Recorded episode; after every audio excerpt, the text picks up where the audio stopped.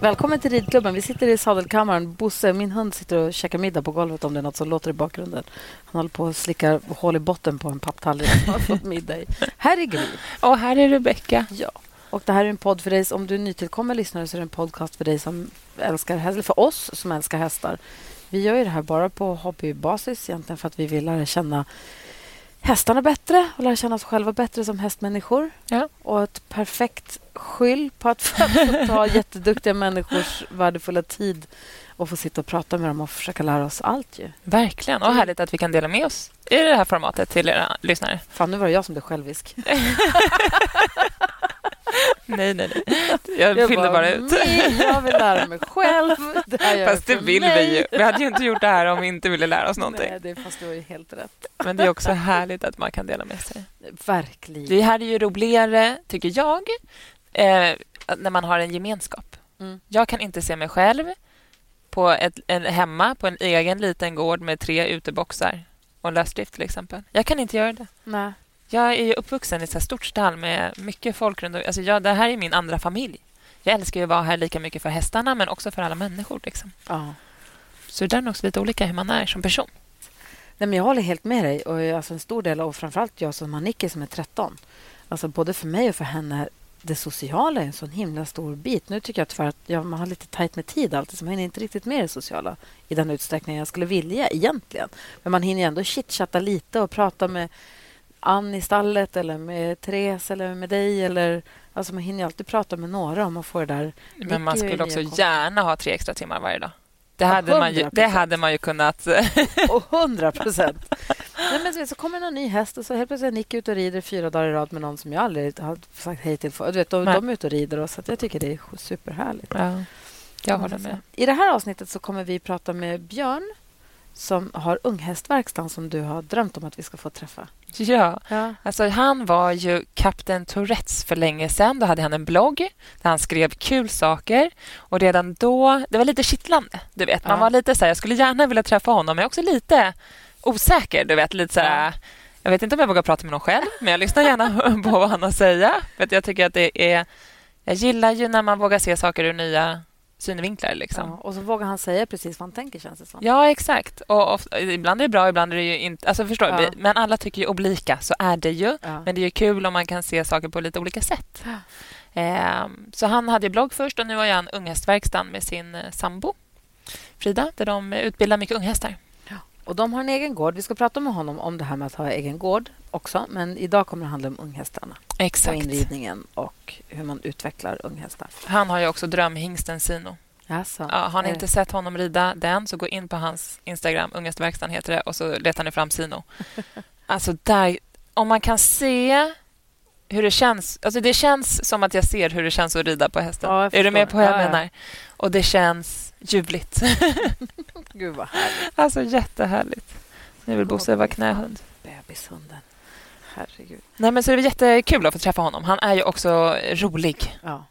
Apropå unghästar. Ja. Hur går det med Bravina? Berätta nu. Ja. Bravina, femåringen. Den Exakt. jättefina femåringen. Nej, men alltså först, vi har kommit av oss lite. Jag har haft ett ganska tufft år. Ja. Det har inte, jag har inte haft med, medvind, någonting. Jag har bara haft motvind. Ja. Så det började med... Eller det har ju varit massa annat också såklart. Med knäoperation. Exakt. Och sen gick min mormor bort förra julen. Och sen så har det varit lite motsträvigt här hela våren. Och tog ett tag, Exakt, men det tog ett tag när jag kunde börja rida ju, ja. efter knäoperationen. Och så började jag rida. Och så har man känt att Bravina, det är, det är som att hon är bajsnödig. Alltså du vet, det är så här jag har trott att det är liksom ryggen, eller rumpan eller bäcken eller nåt sånt. För det, men det är som att hon vill liksom stanna och gå på toa, men så går det inte. Lite den känslan. typ. Eh, men så tänkte jag släpper henne på bete och så hon kanske växer. Hon kanske bara behöver få vara lite. Och Då fick jag borrelia, så jag var helt, hade huvudvärk i tre månader. typ. Och Sen så började det rida igång och då fick ju Salsa sitt överben. Hon slog på sig när hon var ute på motorvägen. Jag tyckte det kändes mindre häromdagen. Ja, det känns svalare. Jag tycker också att det känns bättre. Absolut. Ja, jag tror den här snön var bra för hennes överben. Eh, och sen så... Eh, Kalessi, två vargtänder och två överben som vi nu har dragit ut tänderna och opererat bort överbenen, eller vad heter det, lösa benbitarna. Så hon står på box just nu, konvalescent. Det är inte heller jättekul att ha en ung häst på box.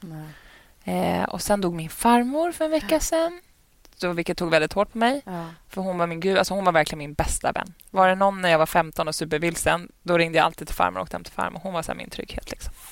Så det var jobbigt, så då kom vi av oss. Vi hade ju tänkt att vi skulle släppa ett avsnitt förra veckan, men så var det inte så. Nej.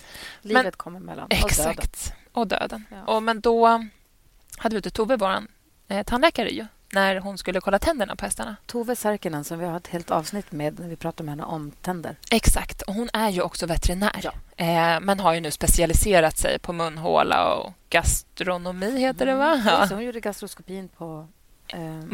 Exakt. Så hon har specialiserat sig på det. Så hon är inte jättemycket veterinär längre, men hon är ju fortfarande ja. utbildad veterinär. Och jag bara, snälla, kan inte du bara titta på Bravina när jag rider henne? För det här har ju också fortsatt då efter sommaren. Och nästan blivit mer. Exakt. Ja. Och när jag åker med Bravina till klinik, då blir hon ändå lite spänd och lite stressad. Och då försvinner ju lite av det här problemet. Eh, för det är också en kort sekund. Jag har inte ridit på klinik. Jag har bara liksom longerat henne eller sprungit med henne. Och då syns det inte heller. Ibland så syns det. Eh, men då i alla fall red jag för Tove och hon såg ju direkt. Hon bara, det här tror jag sitter i halsen. I halskotpelaren. Och det hade jag inte tänkt på och ingen veterinär innan heller. För jag har ju värtcheckat henne innan såklart. Eh, och då gjorde vi lite neurologiska tester som inte var så bra. Hon höll på att ramla när vi drog i svansen till höger till exempel. Eh, och när hon tryckte, hon bara, jag tror att hon har typ här och så tryckte hon till på en kota där och då såg man att hon reagerade. Då röntgade vi ultraljudade och då såg man att det var förändringar på röntgen. Men det är svårt att se alltså hur det ser ut där inne på bara en platt bild. Det går inte att avgöra vart eller hur eller vad som kläms. Så då remitterade hon oss till en CT-röntgen som vi var och gjorde i fredags.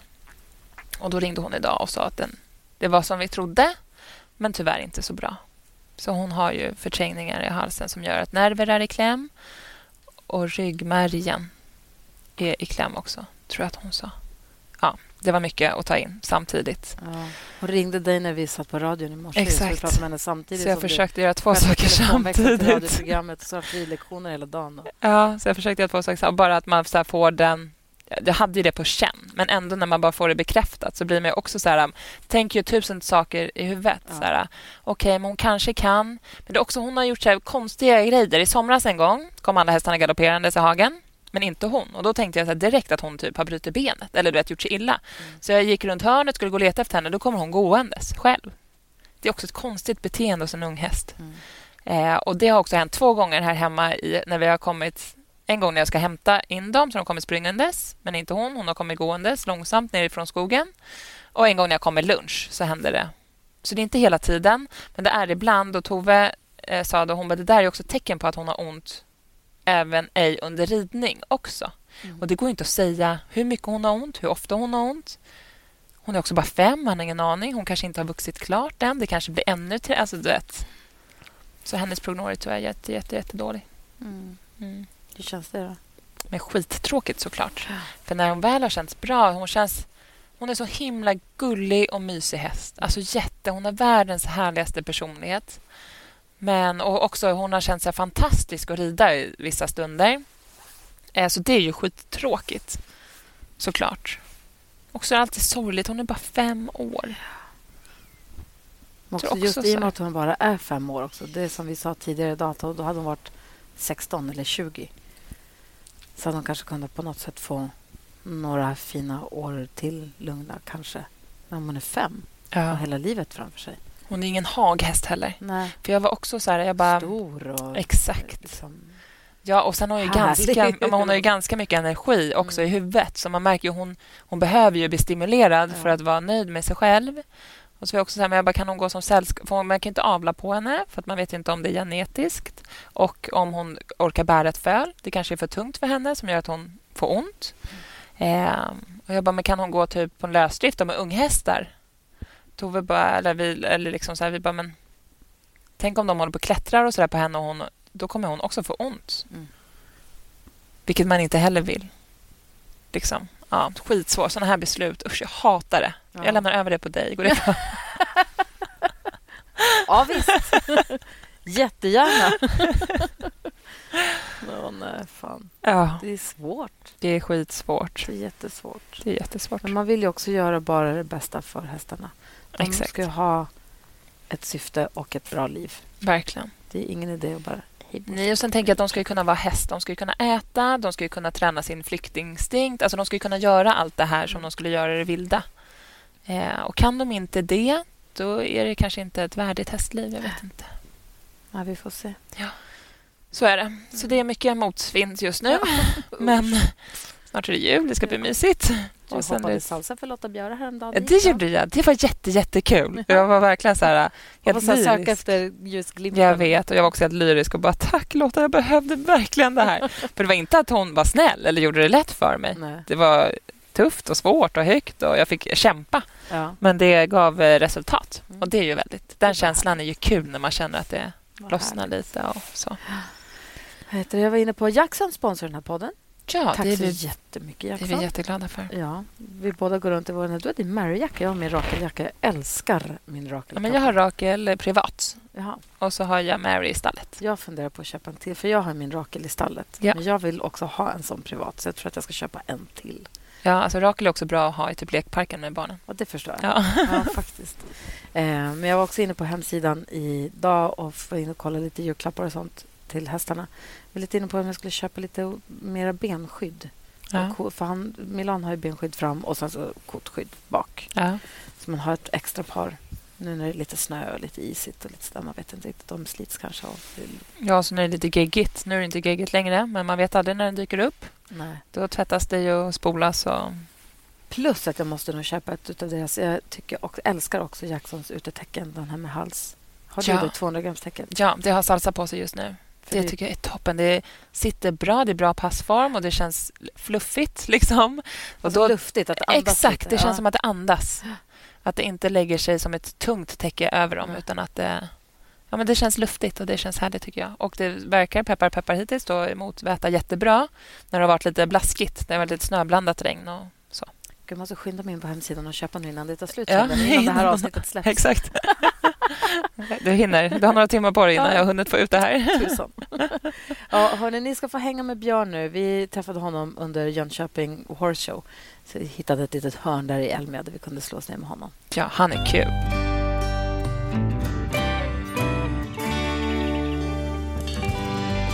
Gud, nu ska vi prata unghästinridning. Hej, hur är läget? Det är bara bra. Bra. Vad roligt att få träffa dig och få sitta ner så här. Detsamma. Om det är någon av våra lyssnare som mot förmodan inte har koll på dig, vill du berätta snabbt vad du gör och hur du jobbar? Eh, ja, vi rider ju in, tränar unga hästar normalt upp från inridning till... Vi har någon som går 1,40 men normalt så lämnar de stallet, säljs eller går vidare när de är fem. Eh, framförallt hopphästar. Just nu när vi är här i Elmia har vi en dressyrhäst med oss. Men mm. det är mm. inte det vanligaste. Utan det... Vilka är oss? Jag och min sambo Frida är det som driver den här unghästverkstan. Och Frida är dressyrryttare? Ja. ja. Så hon har dressyrhästar och du har hopphästar? Ja. Men sen har jag också sett att du trimmar dressyr på dressyrhästarna ibland? Ja, det är, ja precis, absolut, det gör jag. Ja. För det är ju, utbilda hästar är ju det är bara vad de gör på banan egentligen. De tränas ju på samma sätt, ja. hopp och dressyrhästar, i vår verksamhet. absolut. Men så hur funkar det? Ni som äger hästarna, eller tar ni in andras hästar och så förädlar ni dem och säljer dem vidare, hjälper dem att sälja, eller hur funkar det? Vi har ju ägare till alla dressyrhästar som är här. Ja. äger vi själva helt. Annars eh, så är det kunders hästar eller jag tror vi har fyra hopphästar som vi äger 50 procent i. Har ni fått upp dem själva då eller är det hästar ni har köpt in med delägare? Vi, vi har köpt in dem eller att en ägare kommer med en väldigt intressant häst okay. eh, som resulterar i att vi sen går in i... Så min treåring den köpte jag på en fölaktion ihop med en ägare. Uh-huh. Sen har jag en fyraåring som jag också köpte på en tvåårsaktion ihop med en ägare. Desino. Desino. Äger du Sino? Mm. Oh, jag orkar inte. Ja. Vad är din drömhäst? Ja, det är, alltså, Varför? Kan man, men så här, kan man bli kär i någon på en film eller på en bild, då har jag blivit det. Den, här, alltså, den ser... Och man kan få en, ibland kan man få en känsla hur det känns att rida när man ser ett ekipage. Men nu är det också... Det går inte att titta när du rider. Det är ju liksom... Den är så fin. Den är så jäkla fin. Alltså, när den kom ur jag gick igång, precis som du. Ja. Såg en film när den är två, när den löshoppar. Och jag bara så här, jag bara kände att den här hästen måste jag ha. Det har jag fått från den här ägaren. Ja. Så vi kollar lite på de här hästarna. Båda två har fått precis samma känsla för just den här hästen. Så vi vart så här, den ska vi ha. Och när den kom, den kom från Tyskland. Ja. När den klev ur lastbilen och är två år, vet man får den här man kan känna sig nästan starstruck över en häst bara så här, av att den kliver ur. Man bara, hjälp. Ja. Det här är lite mer än allt annat. Ja. Och vad är det då? Den där, är det någon X-faktor? Jag tänker, vad såg du alltså- då? Om du bara, för jag tänker, nu ser jag dig rida alltså, och det ser mm. härligt ut. Men vad skulle... såg du på en löshoppningsfilm som var... Ja, skulle du se filmen så förstår du. Okay. Det är liksom så här, en blind hade sett den här lite mer.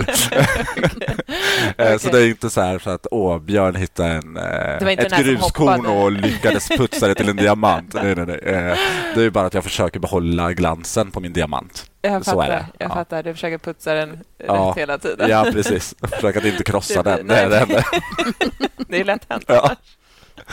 ah, okej. Okay. Så den äger jag halva. Ja. Sen äger jag en halv femåring ihop med min eh, syster också. Som vi faktiskt köpte när den eh, låg... Eller min syster köpte den när den låg i magen på mamman. Mm. Och sen... Eh, för jag tyckte att... Gör det. Vi hade sålt två stycken avkommor till den här mamman på ja. den här auktionen som är här på Elmia. Ja. Eh, det har varit bra business för den uppfödaren. Då kände jag nu jäklar är vi först på bollen. Så ja. nu eh, köper vi den innan den hinner ut. så ska vi sälja den på auktionen. Ja. Men nu den, tycker vi väldigt mycket om den, så den är kvar. Den är fem år. Ja, okay. Så den är kvar i träning. Ja. Nu är vi på Jönköping Horse Show. Precis innan du kom hit då satt du och kollade på femåringsklassen. Ja. Och vad tänker du när du ser de här femåringarna inne på arenan? De går nu. Alltså, eh, jättefina hästar. De flesta väldigt, väldigt väl utbildade. Och Det jag tittade på nu var ju omhoppningen. Och det är ju så... För det man inser, de här har aldrig gått mot klockan förut. Utan mm. det här är, det finns, alltså de är välutbildade och allting såklart. Det är därför det är möjligt att göra det här. Det är ju, det är verkligen så här, don't try this at home. Nej, får Nej för säga, jag liksom, att de är jävligt ja, unga. De är jätteunga, men de är också extremt talangfulla. Men de gör ju inte det här eh, helg efter helg. Nej. Och Det ska man alltid ha i tanken när man tittar på ungas championat. Ja. Man kan tycka att en dressyr femåring, shit, går i den där höga formen och sprätter. Ja. ja, det gör den där i två minuter. Hemma jobbas den i skogen och den jobbas på ett helt annat sätt mot hur vi visar upp dem. Så ja. det är Men det är helt fantastiskt det är att se det här. Det man, tänker man inte på. Mm. Man ser dem ju bara så här i arenan när de går mot klockan och det man tänker så här, shit, ska en femåring verkligen gå så här kanske? Ja. Men det är ju också bara den här minuten idag. Ja, det är ju inget de har suttit och för de ryttarna som också sitter på hästarna här inne, de kan ju det här. Det är inte som jag som behöver träna på det här. Nej, men, är du med? Därför ja. behöver jag en häst som kan träna på det här jämt. Ja, liksom. men precis, ja, nej, för att det är ju få steg de går på det här, om man tar dressyr då, med den här full power och tryck. Ja. Eh, vilket såklart, jag, jag, förstår att folk ibland så här ifrågasätter, ska en ung häst gå så där? Men då känner jag så här, Sätt in, okay, ja, sätt in i helheten. Du kanske ska åka ut till en ungdomsutbildare. Okej, okay, hur ser den här hästen, som den här vi har med här nu. Uh. Den har gått i skogen i veckan. Jag hoppar den. Några hinder häromdagen. Så de har ju en varierad... Sen när den kommer gå här nu, uh. då kommer ju Frida visa, försöka efter bästa förmåga liksom. visa hur mycket det finns i den. Uh. Men så när du kollar på femåringarna i omhoppningen här så tycker du att det är, alltså, är bra? Det är galet bra. Men eh, de är väl förberedda och som någon som utmärker sig. Nu såg jag inte riktigt färdigt, men jag antar att Nicole Holmgren vann. ja, ja. Okay. Spännande. Äh, ja, och hon rider så Ja, jäkla bra. Ja. Det är no fear. Och jag tror att en så, jättefin häst såklart. Men ja. det ser man också med ryttaren. Att hon är så cool i det här snabba. Men det var väl egentligen Steffi som skulle rida, men så blev hon förkyld eller hon var sjuk ja. och så fick Nicole hoppa in och så gick det så jäkla bra i, i grundomgångarna då. Ja. Och så att nu fick Nicole fortsätta Nicole hela vägen. Mm. Men hon känner väl egentligen inte de hästarna superväl. Nej, mm. men Nicole är, Nej, det tror jag inte att hon har sett. Men hon är ju lite av ett fenomen. Eh, faktiskt. Det är ju en riktigt grym sån. Ja. Ja, ska man hyra in en catrider så är Nicole att rekommendera skulle jag säga. Bra att veta ändå. Men då tillbaka till din verksamhet. Då har du 20-25 hästar? Mm, 29. 29? Hur många hästar ska du ha? Hur många hästar ja, har nej, men det är så mycket boxar vi har. Eh, ja, okay. Så det är bra att ha hästar Du har inte byggt ut någon liten lösdrift jo, och någon utebox? vi har absolut gjort en stor box nu. Ja, okay. För just nu är vi inne i en period vi testar av lite så här tvåårshingstar och ser vilka som ska göra eh, kanske om de ska göra ett bruksprov så. Och då för att, eh, så nu är inte alla boxar fulla. Då är det några som kommer från samma uppfödare. Då gjorde vi en stor box åt dem eh, för lite vara tidseffektiva. Att den lilla perioden de står här nu allihopa, då kan de vara ihop, fortsätta gå ihop. De kommer ja. få samarbete. Eh, och när de sen lämnar stallet, de som inte ska vara kvar, då kan jag bara åka in med Avanten och lyfta ut bajset. Så har inte jag stått och mockat åt alla de här varje dag. För det läste jag lite. Jag läste någon, eh, något blogginlägg tror jag, eller någon artikel med dig när du byggde din gård, att du vill göra det så himla praktiskt och lättarbetat som möjligt. Vägra packa höpåsar. Ja. Och... Gud, varför håller du på med hästar? Nej, men det är ju så, men det måste ju... Alltså om man har den mängden ja. äh, hästar vi har äh, och det här att det måste vara nära till hagen, det är mitt det tråkigaste jag vet på riktigt. Det är att leda hästar till och från hagen. Det är det tråkigaste jag vet. Så hur nära har du? Supernära, direkt utanför dörren. Mm, så skulle jag också vilja ha. Ja. Jag vill ha ena sidan stallgång, andra sidan en dörr ut genom boxen, rakt ut i en hage. Ja, men det är ju så. För då hamnar ju återigen, då hamnar man så här hos det hästvänliga. Ja. Att de hagarna blir inte så stora. Jag vill Nej, också ha en hage som de kan braka till i. Ja, jo, men så tänker jag också. Men jag tänker att de har små rasthagar direkt utanför ja, och, och sen man... är det lite större. Så ja. ska de stå liksom i en liten Måste ruta? vi inte mocka ska... de där små rasthagarna? Jo, det har, där har jag en poäng. Men då har vi en lucka i golvet där vi bara puttar ner ja. lite. Men sen pratade vi också om, för vi har, jag har gjort ett fantasistall. Jag håller på att bygga ett fantasistall i huvudet.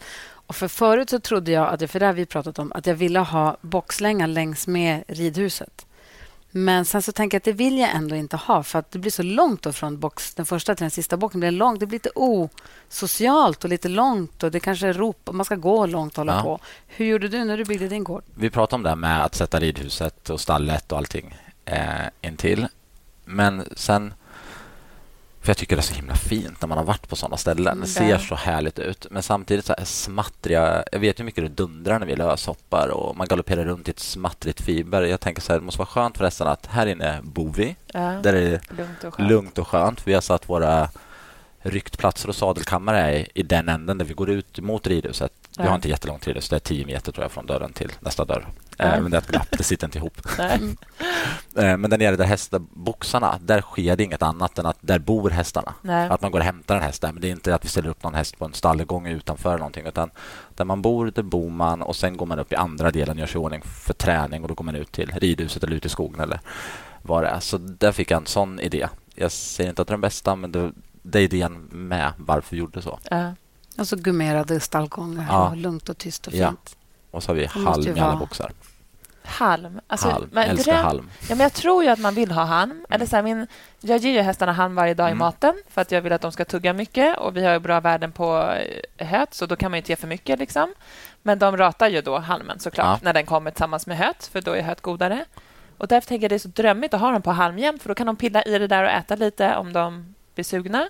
Men det känns apsvårt att mocka. Eller hålla... lätt att mocka, men däremot så måste ha enorma ytor för att förvara halmen innan den läggs i boxen. Ja. Det, är liksom, det tar mycket utrymme. Det är mycket volym, liksom. Gödselstacken blir ju enorm. Ja. Eh, så kan det här man typ är... bara elda upp den om man har? Nej, det är inte så vanligt som man kan tro att man gör det. Eh, ja. Det bara slog mig nu. Ja. man borde bara kunna... Ja, så, alltså, ja, utanför stallet där bara. så, fräsa till. Valborgsbrasan varje år. Ja, det blir gödselstacken som ryker ut över grannarna. Okej, prova inte det här hemma. Det var bara en dum idé jag fick i huvudet. Min eh, pappa har lantbruk, så han tar hand om det här. Så det är också en hade jag haft en så här som många har, kanske så en container eller så att man måste bli av med det, Exakt. då är det kanske osmidigt. Ja. Halm, För då lägger han ut det på åkern, så Precis. det blir som gödning. Liksom. Ja. ja. Så han tar hand om det. Ja. Eh, gör han. Nej, men, så, men det är trevligt med halm för att, ja, precis som du säger, när man bantar hästar, vilket man ofta gör, Eh, gör. Ja, men, det gör man ju. Jag ja, men det, men hela, alltså, och vi har sånt dunderhö. Har vi. Ja. Eh, men den hästen som får väldigt lite den har ju konstant att äta eh, ändå. ändå. Det finns att plocka med, som vi pratade om det här en del med magsår på hästar. De har insett på forskning att det är tyvärr ganska vanligt. Och då mm. tänker jag den reduceras ju av att de konstant kan äta. Och ja. att magsyran har något att jobba mm. med, med hela tiden. Liksom. Så att, och vi hade hyrde ett stall ett tag och där hade de spån. Och då insåg jag skillnaden också när man skulle fodra. Alltså hästarna är helt dumma i huvudet. när, de, de hörde, ja. när de hörde att höet kom. Fem minuter innan helt... de började prassla med en påse, då direkt ja. står de ju och sparkar. Hela och... stallet vart ju helt rabiata. Ja. Och sen, så det är mycket lugnare det här att de är ju inte vrålhungriga. Det är klart de blir ivriga, nu kommer maten. Men ja, inte, in... det blir inte någon panik. Jag insåg att det var next level alltså, när man hade ja. dem på spån. För då var de hungriga när höet kom. Så att, jag tänker, det är väl en form av tecken på att de mår bra. Att de inte blir helt hysteriska över att maten kommer. Nej, men precis. Hur ofta fodrar du dina hästar? Eh, de får, måste tänka, frukost, eh, lunch, ja fyra. Fyra gånger ja. Så de får kraftfoder och eh, hö på morgonen. Mm. Ganska lite hö då, så får de lite mer hö på lunchen. Mm. Och Då får de också kraftfoder. Och Sen får de middag, då får de lite mindre hö. Men mash, för då har de ju tränat så, så där, så får de i lite vätska. Och sen på kvällen får de rejält med hö. Och Varför ger de så lite på morgonen? Eh, för att de ska snabbt ätit upp och komma ut i hagen. okay. Så vi kan börja mocka. rationellt, återigen. Effektivisera ja. Och de har ju haft halm, det är det. Det är såklart, hade de stått på helt tomma magar då är det inte läge att kanske ge dem ett eller två kilo hö och tycka att det känns nice, nu får Nej. ni vänta. Eh, men de som står, vi har ju hälften ute på förmiddagen, hälften på eftermiddagen. Så ja. de som står inne på förmiddagen, de får ju lunch redan klockan tio. Ja. Medan de andra kommer in två timmar senare klockan tolv äter sin lunch. Då. För vi gör så. Vi, så halva gänget går ut först och då rider ni Precis. den andra och så växlar ja. ni om? Så eh, ja, vi har ju systemet är att man, man mockar och sen tar man in halmbalen från ena dörren och så drar man den på en sån liten minitruck mm. genom stallet och då tar den slut genom hela stallgången. Sen går man ner och hämtar en höbal, ja. storbal, drar man den på den här trucken igenom och när den har kommit upp då är den slut. Då har vi lagt in lunch och så lägger vi en hög utanför som innehåller kväll och eh, frukost och middag. Ja, ja, ja. Så ni packar inte här på sig? Absolut inte. Vi gör, jo, det vi gör det, om vi har några som är tunna ja. eh, som vi tycker att... Eh, eh, för jag gillar inte det här med jätte, jättestora giver heller. Det blir lätt runt trampat istället då på dem. Ja. Så då kanske vi har två, tre stycken som får den här på sig på middagen. Ja. För att annars blir deras kvälls... Och vi tar ju från kvällshögen liksom, när vi ger middag normalt. Men då får de hela sitt kvällsmål kvar utanför boxen och de har en varsin här på sig. Jag förstår. Men det är under ja, det är inte 29 stycken Nej. påsar gånger fyra då, utan då är det ju tre påsar totalt. Som kanske packas på en dag, så det är en skillnad. Ja. Ett poddtips från Podplay. I podden Något Kaiko garanterar östgötarna Brutti och jag, Davva, dig en stor dos skratt. Där följer jag pladask för köttätandet igen. Man är lite som en jävla vampyr. Man har fått lite blodsmak och då måste man ha mer.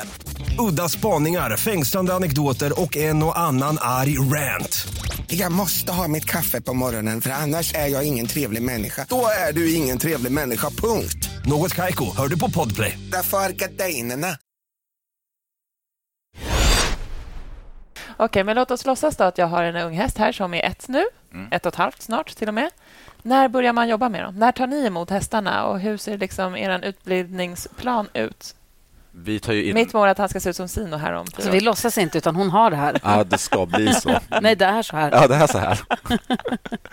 eh, nej, när de är två och ett halvt börjar vi träna dem. Ja. Hur gammal är Kingston? Ett och ett halvt? Ett och ett halvt. Ja. Som ett år, då, kan man mm. säga. När den kommer in från betet eh, som tvååring, då kommer första blocket tvååringar. Vi brukar börja med hingstarna. För de Hur tidigt måste man boka sin häst för att den ska kunna flytta till er? Eh, ja, det där är, alltså, vi har ju folk som försöker boka in föl.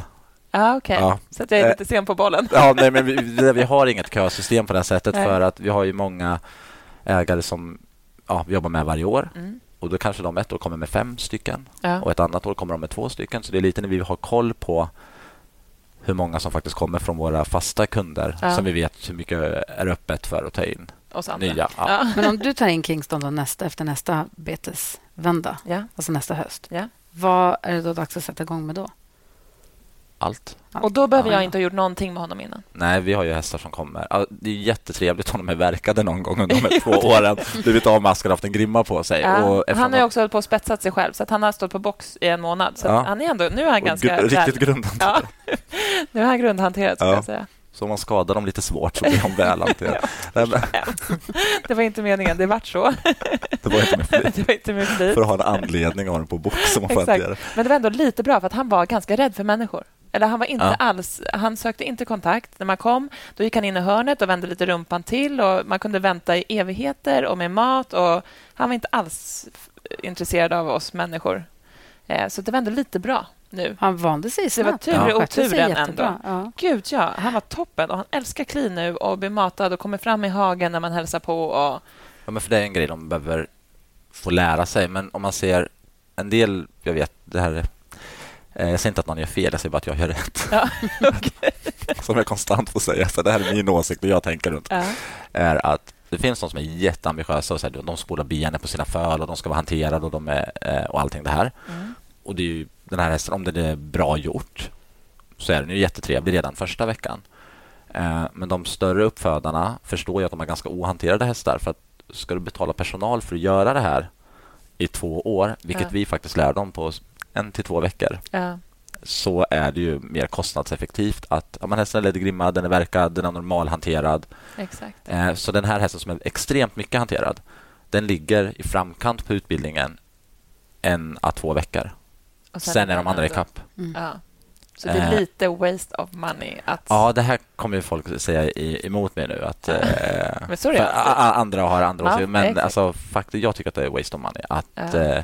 Men har du en... Det handlar ju mer Bor man hemma, en, har ett föl hemma på gården och vill pulla med ta i den. Exakt. Så är det. Så följ söta. Ja. Så det är klart man vill klappa på dem. Ja, för att de är gulliga. men som jag är uppfödd som har 20 föl. Ja. Eh, och de är ju normalt hanterade. Och för det lilla de har gjort är ju gjort av professionella människor. Ja. Så det här, de här, eh, när de kommer som tvååringar då vet de inte att man skulle kunna komma undan grimman eller att man kan sätta ner en hov när den Nej. Ska bli kratsad. Mm. För den enda som har gjort det är en hovslagare som har hållit i benen och den släpper ju inte. Nej, exakt. Eh, så det har aldrig blivit fel. Nej, men Det lilla de har gjort det har blivit väldigt rätt. Det känns nästan viktigare att ja. det aldrig blir fel mm. än att det blir mycket och lite fel. Ja. Alltså så. För en, det är lättare att en häst som är lite så osäker det är lättare att få ett, så här, skapa ett förtroende än att kanske vad ska man säga, skapa en respekt hos en häst som har klivit över sin ägare 20 gånger, satt ner hoven 20 mm. gånger vid kratsning eller kastat sig på stallgången eller ja, ni vet, vill inte bli fångad i boxen och man måste ha med sig tre morötter och benbön och sådär innan man får tag i det. Okej, okay, jag, jag, ska inte göra någonting med Kingston. Jag ska låta han vara tills han ska och vad gör du då? då? Nej, om jag skulle köra honom till dig när han är två och ett halvt? Ja, men då kör vi igång med det första. Det... Hamnar de på box då, eller ja. är det en lösdrift? Nej, eller hur? Box. Då hamnar de i en ja. box. Mm. Uh, jag gillar det, de liksom här, för det är så de flesta hästars liv ser ut sen. Ja. Liksom, det är dags att bli sin egen. Ja. Det är som sagt, nu har vi den här storboxen. Det är inte mitt vanliga system, utan Nej. man har en varsin box. Sen kommer de från samma uppfödare, de får gärna gå ihop. Mm. Men kommer din häst ensam, ja. eh, då kommer den få gå själv eh, tills vi ser... Det kan vara en häst som är kvar vid längre tid. Vi har... Det här är ett långt svar. Vi har eh, galler mellan varannan häst. Så två hästar kan nosa på varandra in i stallet. Och Sen okay. är det helvägg och så är det ett galler.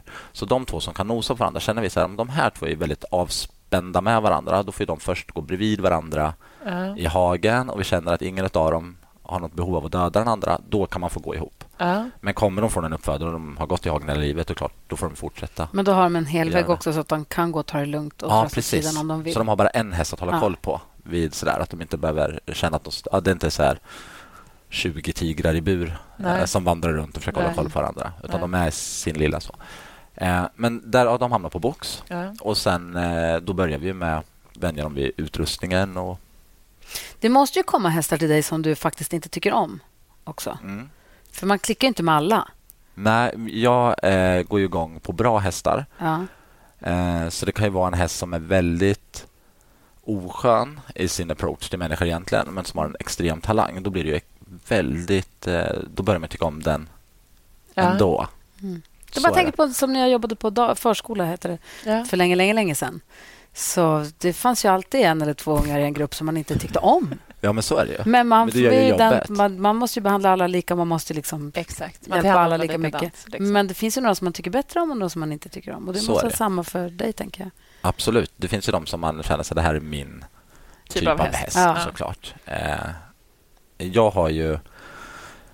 Eh, jobbiga vallackar har jag. Det är inte min grej. Ston och hingstar tycker jag är så här lätt att... Vänta, vallackarna är väl de enklaste? Vadå jobbiga vallackar? Ja, men tänk så här. De är så lite Emil i Lönneberga. Så här, är de busiga mm. eh, så, här, så fastnar de fasen varje dag med huvudet i soppskålen. Spelar ingen roll hur många gånger du säger till dem. De gör samma grej dag ut och dag in. Ja, ja. Ett sto kan ju vara lite utåtagerande och sådär. Och sen är någon ände någonstans på vägen. Så först är man lite så här, de vill inte göra som du vill eller de är inte supersugna. Sen landar man i någon slags terrorbalans där man ändå beslutar sig för fred. Ja, och så kommer du över på andra sidan. Då är de din bästa kompis och då är det färdigt. Det kommer aldrig Då kommer man fastna i soppskålen. Nej, det, det, det hamnar, nej, den fastnar inte så. Men vallackar kan ju vara en sån där Eh, ser, ja, den eh, kastar sig på gången, säger vi. Ja. Alltså, den kommer göra det tills den dör. Ja. Det är min känsla av vallackar. Eh, eller den är rädd för blå bommar den kommer fråga så fort den där dörren öppnas igen att kunna bli rädd för den blå bommen. Det gör en vallack. Men ja. ett sto blir på något vis tycker jag klar med saker. Nu har jag övervunnit det här som har mm. slutdiskuterat. Mm. Ja, det är min känsla. Därför är inte jag något stort fan av... Jag har haft jättefina valkar också som jag har haft eh, ja, väldigt bra ja. relation till. Men om jag får välja så väljer jag ofta ston. Och sen kommer hingstar och sist valkar. ja, men det är så, och så blir det lite så här, eh, när de säger så här, men jag tycker, jag tycker inte om ston och hingstar. Ja, fast det är som att säga, jag tycker om fåglar, men bara om de är vinklippta. Då tänker jag... ja, nej, För de andra är ju alltså- riktiga hästar på något, eller? Nej, jag förstår vad du menar. Jag håller inte med, jag förstår vad du menar. Jag säger inte att du har fel, jag säger att jag har rätt. Ja, precis. Världens bästa. Okej, okay, men börjar ni sitta in dem när de är två och ett halvt? Alltså hänga ja, på dem och sånt? och sitt, så att normalt som... Vi har några tvååringar som precis är klara. De är ridna löst i trav och galopp. Ja. Och sen får de åka hem till ägarna? Och ja, eller många står kvar. Eller? Många, en del bor kvar, andra ja. åker hem. Ja. Det är olika. Men vilar de sen? Eller hur? Ja, nu tar de det lugnt. Ja. Eh, så de gör en inridningsperiod här nu, den första. och sen tar vi dem en vända till på, om man ska göra treårstest, det är det normala. Ja. Bruksprov är ett extrem träningsform. Men om vi tar... Och bruksprovet, för det är det som är nu i vår? Tidigt ja, i vår, eller hur? Ja, men lagt det lite senare i år, så det är i mars när det brukar vara i februari. Exakt, och då är de ju tre knappt.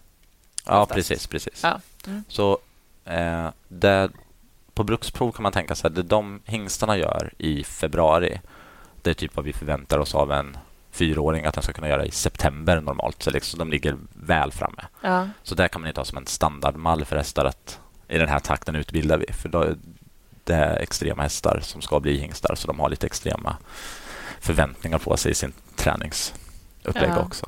Men om man ser som, så vi rider in dem nu, tvååringarna, eh, om de inte ska göra bruksprov utan just treårstest, vilket är det vanligaste, så har vi dem kanske åtta veckor inför testet och det brukar vara i mitten på maj. Mm. Så då kommer de tillbaka och så gör man det och sen åker de på bete. Vilken är din styrka som ung häst? Mm, jag är ganska duktig på att förstå hästar, hur de... Eh, varför de gör saker. Jag säger inte att jag alltid ursäktar en häst, men jag har alltid en förklaring till varför jag är inte så mycket så här att den är dum.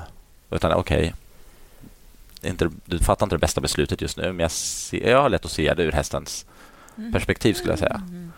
Eh. Jag läste också någonstans att skrivit om hur ni, när ni kommer på tävlingsplats till exempel.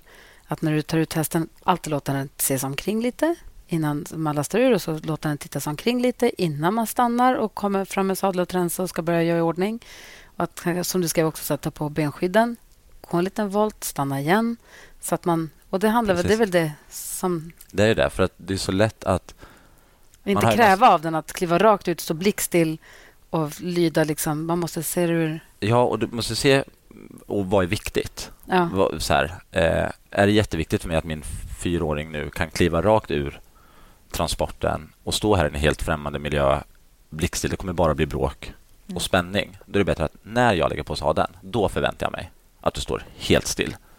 Men sen kan du väl, och då är det bättre att du väljer. Nu börjar vi gå. Innan den har tappat det. Ja, nu ja. Går vi, gör vi en volt. Och så ja. Nu står du still, nu sätter vi på skydden. Ja.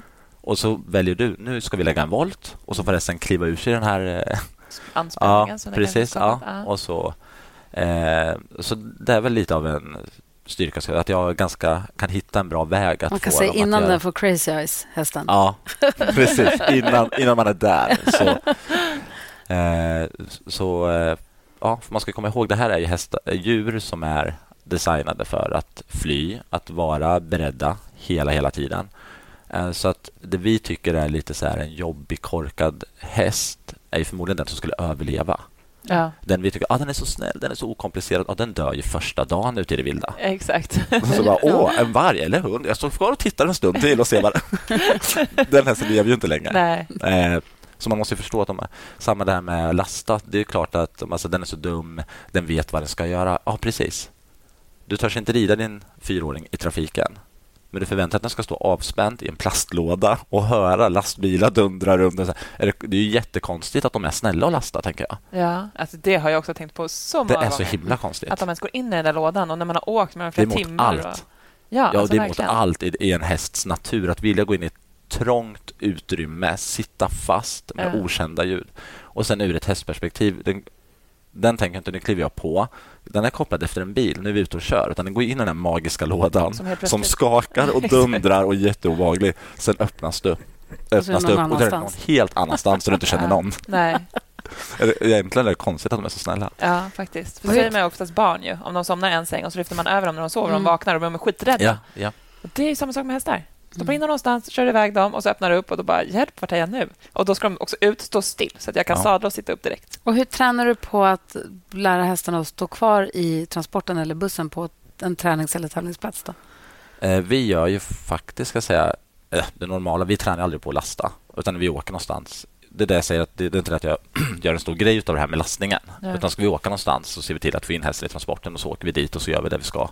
Åker ni alltid flera hästar eller åker ni oftast med en själv? Det är ju olika och då ja. är det ju är det hingstarna såklart har vi en och en. Ja. Eh, de kanske vi inte släpper ihop i lastbilen första gången. Jag tänker, märker du skillnad på om du lastar in flera, att det är lättare än om du bara ska stoppa in mm. en själv?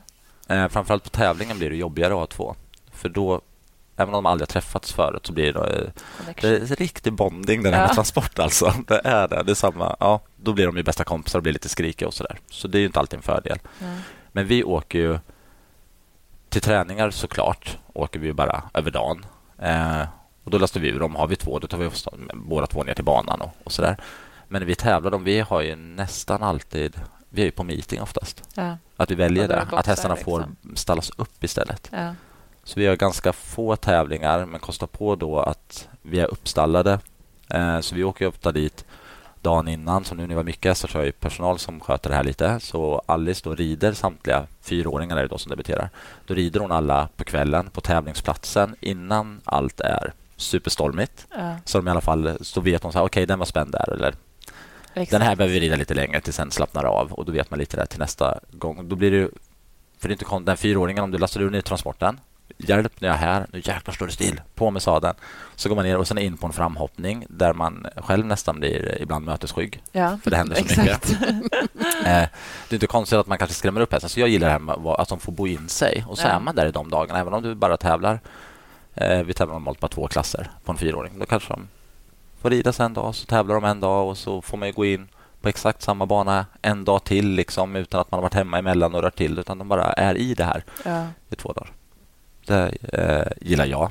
Eh, och Jag tycker att vi har trygga hästar som är lugna och sköna på tävling överlag. Jag tycker att det är lite lustigt ändå. Alla som vi har träffat och pratat med av alla duktiga tävlingsryttare och tränare och du som jag vet också förespråkar här att grundridningen är det viktiga.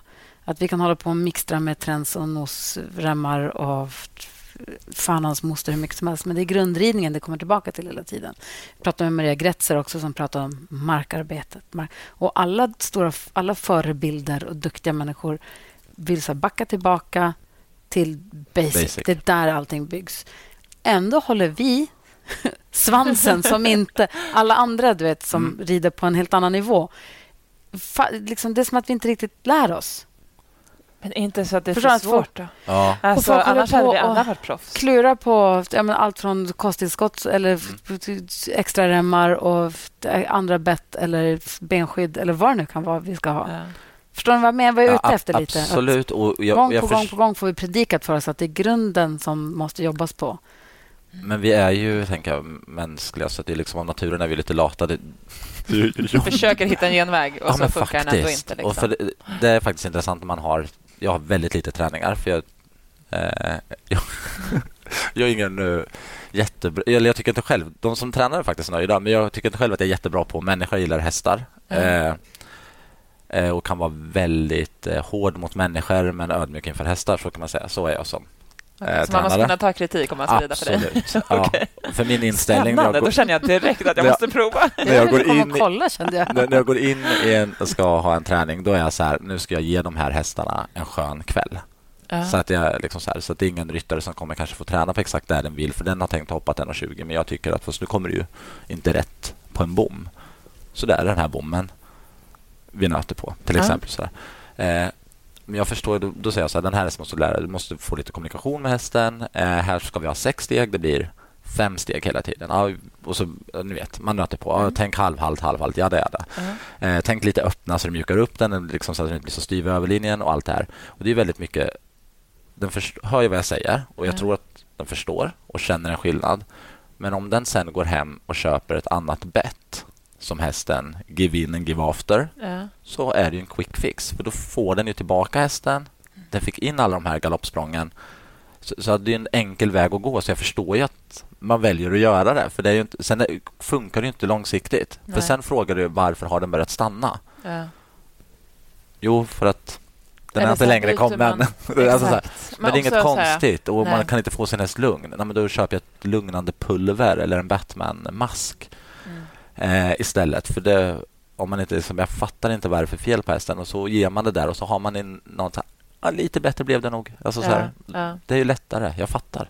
Men sen kanske det också det lugnade ryttaren och då smittar det av sig på Precis. hästen. Alltså, så, här, så det är också svårt att veta mm. alltid vad som är vad. För det vet man ju också att mycket mentalt från människor går ju vidare till hästen. Så Absolut. det kan ju hända att vi har bestämt oss för att ja. Gud vad lugnt och skönt, vad bra pass det var idag. Det var nog på grund av det där. Och Exakt. Då har man ju med sig det till nästa. Vi är jättenoggranna när vi ändrar någonting eh, i, eh, om en häst säger att det är något eh, oönskat beteende. Vi säger att den är alldeles för het eller för varm i huvudet. Om vi ändrar, vi ändrar bara en sak i taget. För det blir så lätt att man bara, ah, nu, den måste ha mer magnesium för den är så spänd och så ska jag ha ett lite skarpare bett och kanske jag får hejd på den. Så ska vi ha en sån soundless-luva för den blir nog rädd för ljud. Och så har du gjort ja. allt det här. Du vet inte vad det var i det här. Så där tycker jag man ska ta sin tid. Alltså man säger, ja, men okej, vi drar ner typ, på lite... Testar du någonting då Hur lång du... tid ger du varje Exakt. förändring? Eh, det är svårt att säga beroende på vad. Men om du skulle dra ner på energin på fodret då får du anta att det borde ju ganska snart, du vet ju själv om du låter bli att äta så blir du ganska snart eh, trött. Ja. så är det det som är svaret så får du svaret inom några... Alltså. ja, men, men någon vecka måste du ge det. Och samma som ett bett kan ju tyckas kännas fantastiskt. Eh, Första gången du provar det? Nyhetens behag. För inte hästen heller om den har en, vi säger att den hänger sig i högertygen och så byter du bett. Då har inte den knäckt koden hur den gör. Då har den lite respekt för i början och aktar sig. Sen vänjer den ju in sig ganska snart och hittar sin väg ur det där. För det var egentligen grundarbetet du borde har gjort. Då. Du har inte löst knuten, men du kan ju sudda ut vissa bitar. Men ge det några veckor, allting. Som man är, jag säger lugn och ro. Låt det ta hästar tar ju tid. Ja. Jo, det... Och de flesta hinner ju ändå dö av ålder innan de är bra. Så att det ja, är inte att stressa över.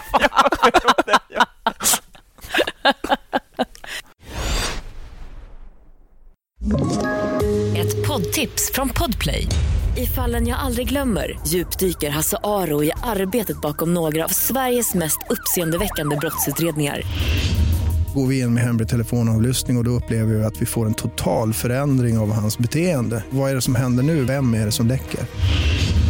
Och så säger han att jag är kriminell, jag har varit kriminell i hela mitt liv men att mörda ett barn, där går min gräns. Nya säsongen av Fallen jag aldrig glömmer på Podplay. Vi hade fått massa lyssnarfrågor också, alltså, eller hur? Jättemycket bra ja. lyssnarfrågor. Jag, typ alla är jag också vill jag veta svaret på. Liksom. Ja. Men eh, Stine äh, håller också med. Hur kan till och med treåringarna se så välridna ut? De hoppar serier. Mm.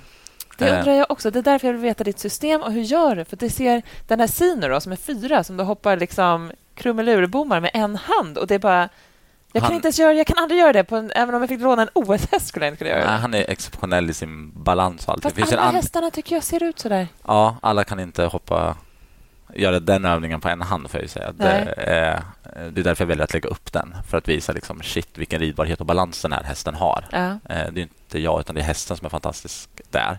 För men, den har ju kommit dit, inte själv. Nej, nej. men den har ju förutsättningarna att ta ja. sig dit och ta den dit. Ja. Eh, men eh, vi är väldigt systematiska.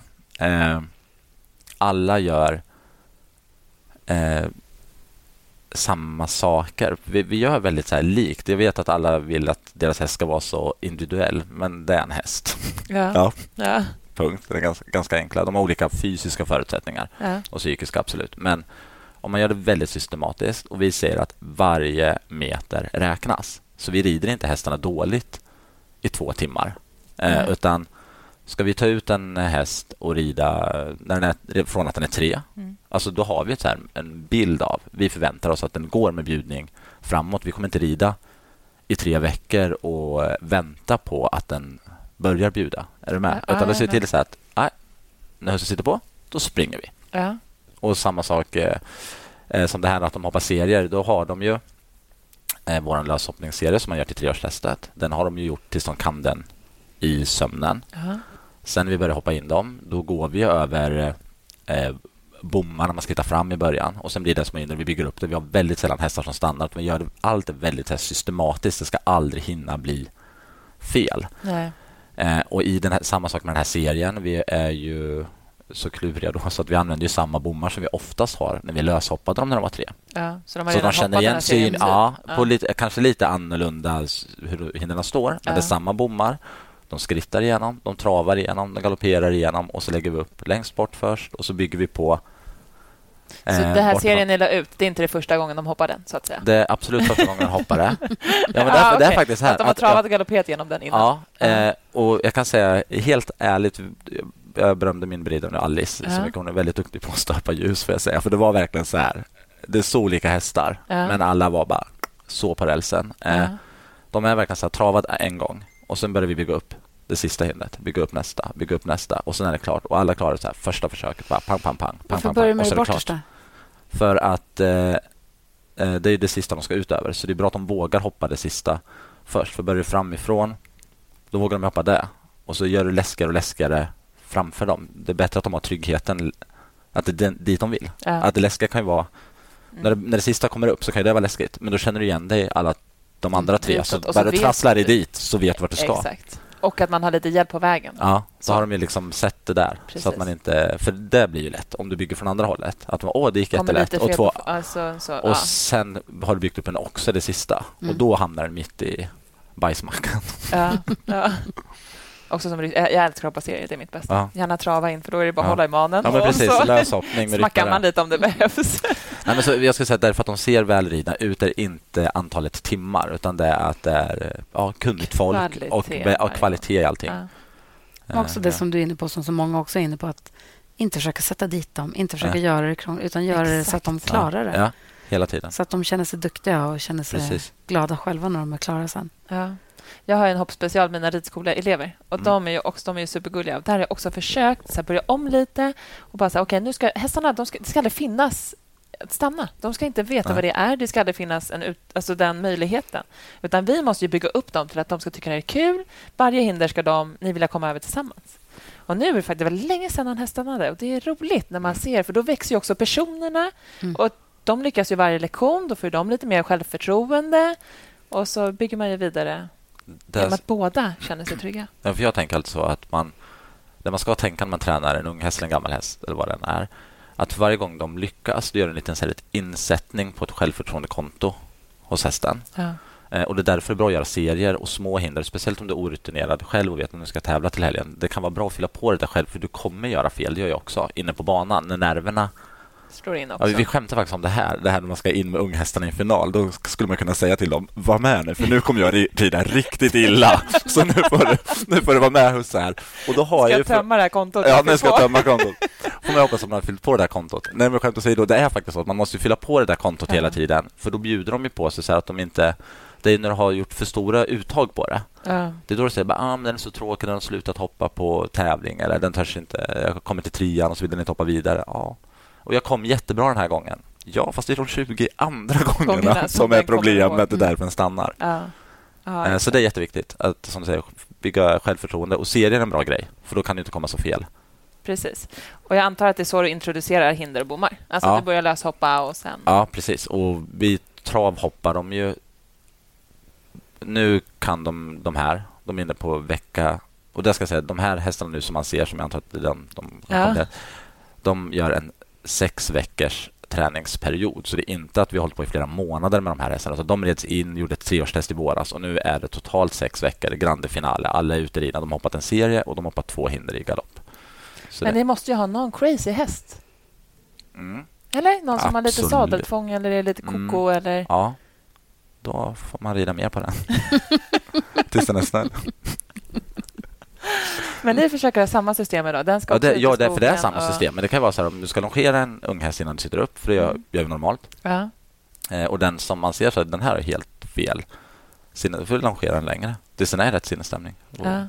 och så gör du samma när du rider sen. Du rider Men som du också säger, sa i något sammanhang, att ska man rida ut, är det en som behöver ha en häst framför sig, ja. så då får man väl rida ut fler tillsammans. Då, ja. Så får någon gå tätt bakom. Och bara bli, så. För det är så viktigt att det inte blir fel där. Samma ja. sak där. Att det, allt... Du tvingar aldrig en häst att gå ut själv. Om den vill stanna vid stallplanen och inte gå, då har du alltid draghjälp, eller? Ja, alltså absolut med unghästarna. Vi har ju Eh, Hur länge får man vara unga hästar? Ja, tills de är... Får en nioåring stå kvar på stallplan?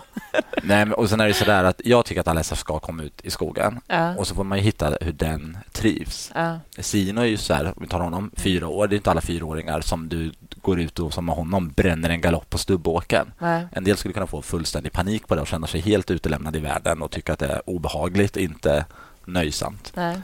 Eh, och Det finns hästar som kanske bara men skritta ut dem. då. Är de jätterädda och behöver liksom bara i lugn och ro se vad som händer så låt dem göra det. Men de får komma ut ur ridhuset i alla fall. Ja, exakt. Med treåringarna har vi alltid draghjälp första gången. Så vi har ja. en nu. Vi har lite dåligt med gamla hästar i stallet såklart eftersom det är ett unga stall. Ja. Så stackars Kobra, han är ju gammal för han är sju. han eh, har jobbat mycket med att gå i skogen. Han har verkligen varit ute med en treåring, kommit tillbaka och stått på stallgången med sadeln på mig. Så är han nästa, nästa treåring. Och så har han lett den runt. alltså, så, så, han, så han har fått... Eh, eh, han är så här trygg, snäll vallack. Ja. Så honom kan du styra in i. Om, ja. Nu har alla varit så här, tror jag, eh, jätteartiga. Att, för har man gjort rätt bedömning på dem så går det oftast bra. Det är ja. samma där med att hoppa. Att det ser enkelt ut. Jo, det är för att vi har gjort bedömningen att nu är den redo för det. Ja. Det är när du stöter på patrull, du vet, alltså okej, okay, då får vi backa bandet, lägga pusslet igen. Vad var det som inte funkar? Det är samma att rida ut. Känner du så här, den vill inte gå ifrån. Eh, om du då inte kan kommunicera med hästen eh, gå vidare, ja. ah, då är det någonting som saknas. Då får du ta draghjälp, punkt. Ja. Så att den får en bra upplevelse av det i alla fall. Och sen kanske komma på vad jag ofta säger att de inte är framme för skänken. Nej, men precis. Men som du också säger, att det här går inte att rida ut och galoppera på hästarna för att de brallar eller är helt sjövilda. Då är det bättre att skritta ut en timme, ja. galoppera i ridhuset. Precis. Sen skritta ut och trava kanske nästa gång och galoppera i ridhuset. Ja, men måste de galoppera varje dag då? Nej, det måste de inte. Men man tänker att det är så måste härligt att ut och galoppera. Mm. Vi skrittar ju ut hästarna mest, mest när de är ute. För vi har, det är också lyxigt, vi har ett, verkligen man går ut från våran, man går förbi hagarna och kliver rakt ut i typ ett sandtag. Ja, och där är det som en bred liten stige runt så det går upp och ner. Av heller. Nej, och kan om, man få bygga ett litet stall bredvid ditt ja, det ska stall? Man göra, eller? Kan vi få, kan få bygga fem och, boxar bredvid dig? Får man köpa en hektar? och ramlar man av där, ja. då följer de den här vägen. Och så ska de, nu har ingen gjort det hittills, tar jag trä, men alltså, de följer, det finns ingen väg, de korsar ingen väg, det Nej. finns ingen annan än vi där. Så skulle någon ramla, då springer de väl, antar jag, den här vägen hem igen och ja. hamnar på gården. Okej, men en sista fråga då. Är Sino så härlig som han ser ut? helt kär. Alltså. Han är precis så... Eh, härlig. Det är en väldigt eh, skön individ. Han är...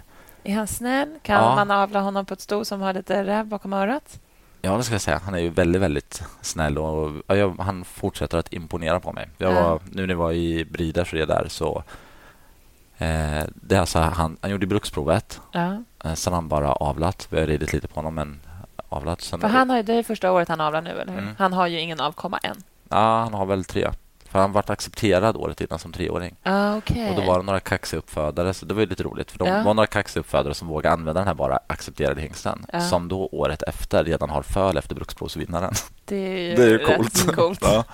Eh, så det är grattis till dem. Ja. Eh, Hade du tipsat dem om det? Eller? Ja, en av dem är faktiskt... Tyvärr så har det, såldes redan fölet, men det var en hästägare. Jag bara, betäck henne. Det stod ut med honom. Det blir jättebra, men den såldes fort. Ska inte Kalisi ha mer föl? Nej, jag tänker den andra.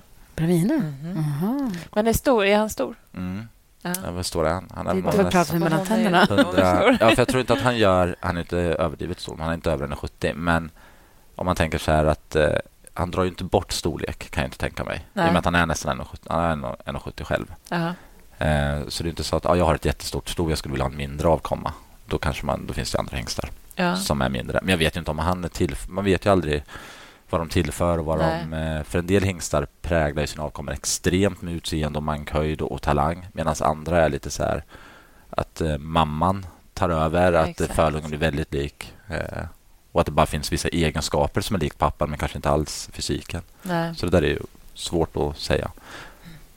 Men kort, så intressant. Eh, att rida och hantera allting så är han precis så härlig. Som, som han ser ut. ut. ja, så det skulle vara jättelätt att göra. Det är inte så jätteutvalda tillfällen när man instagrammar med honom utan man kan instagramma hans vardag ganska riskfritt. Att det, det, skulle inte läcka ut något dåligt material. Nej.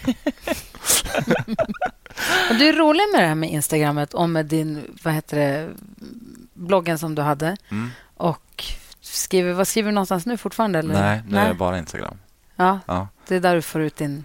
Ja, och nu har jag inte så mycket. Förut, För du hade din Kapten Tourettes? Absolut. Men...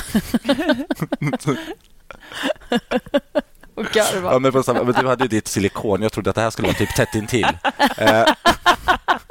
Eller hur? Exakt. Ja, du har ju utvecklat din intervjuteknik. Ja, ja, ja. Vi sitter lite längre bort. Ja, vi sitter lite längre bort. Annan typ av frågor. Typ. Eh, och, och jag... Ja. Nej, nej, jag var bara inne på din vilja eller drivkraft att formulera dig och kommunicera med... För det känns som att du tycker att det är kul också att kommunicera det du gör. Inte bara ja, rida på hästen, utan också det formulera jag. det. Ja, och förut så gjorde jag det med väldigt mycket så sarkasm och sådär. Mm. Eh, och lite sådär hängde ut folk som, inte, nej, inga namn, men så här, det här är typiskt fel och så driver man och raljerar mm. över det. Nu gör jag lite mer kanske så här, info, så här, här gör jag eh, videos då. Ja. Och när jag har tid så tycker jag att det är roligt som jag gjorde nu, något så inlägg. Att jag skriver vad jag tänker, vad som är viktigt när jag hoppar den här serien. Eh, att jag faktiskt skriver ut vad jag tänker medan jag tränar här. Men mitt i säsong då blir det mycket bara så här en tävlingsvideo, en häst. Då kanske inte blir så mycket informativt. Det beror på hur mycket tid och ork jag har. Mm. En sista fråga då. En till. Jag skulle kunna hålla på evigheter. Hur har du dina hinder i ridhuset när du inte hoppar dem? Alltså jag, den här förvaringslogistiken. Ja, jag hatar det. Man konkar i bommar och stöd hela tiden. Vi ställer bara ihop dem i mitten nu oftast. Ja. Bara så vi har dem kvar i. För det är ganska snart eh, så vill jag ut en bom eller ett hinder. Eh, så vi pratade om innan, så ska man ha luckor i väggarna och sådär. Men det, jag tror att hindren hade hamnat då ändå där de är nu, i mitten. Liksom, att man ställer ihop dem för man sladdar och grejer och kanske i något dressyrprogram. Ja. Och sen byggs det ju... För, från början hade vi lite så här i... Eh, ställde upp allting i hörnen hade vi ett tag. Ja. Så här, delade upp det. Men nu har det blivit att de alltid, jag vet inte varför, men just nu de hamnat i mitten ja. av ridhuset. Det känns ändå smidigast på något sätt. Ja, det blir väldigt smidigt. Ja. Jag skulle helst vilja ha en lucka. Jag tycker så här lucka. Åker upp, du ställer på dem på den här plattan. Du hissar upp den i taket. Ja. ja, så tänker du. Rider lite och så hissar du ner dem när du ska...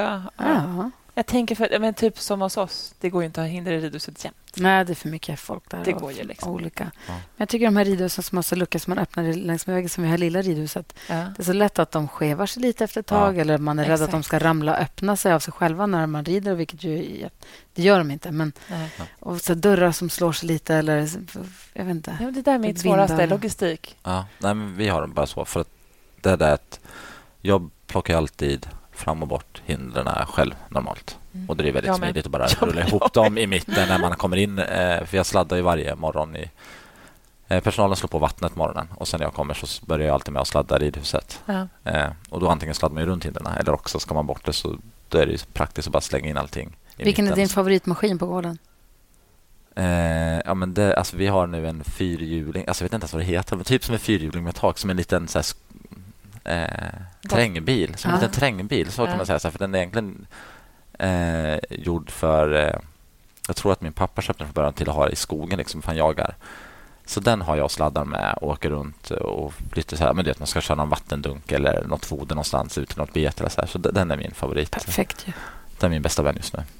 Gud vad härligt. Har du några bra stalltips? Eh, som? Det kan vara vad som helst. Lina Dolk hade att hon har plasthandskar under vanliga ridhandskarna på vintern för då blir det varmt. Ja. Eh, något klurigt som något du kommer klurigt som du tycker att du har i ditt stall som du inte tror att någon annan har? Oh, nej, det skulle jag inte.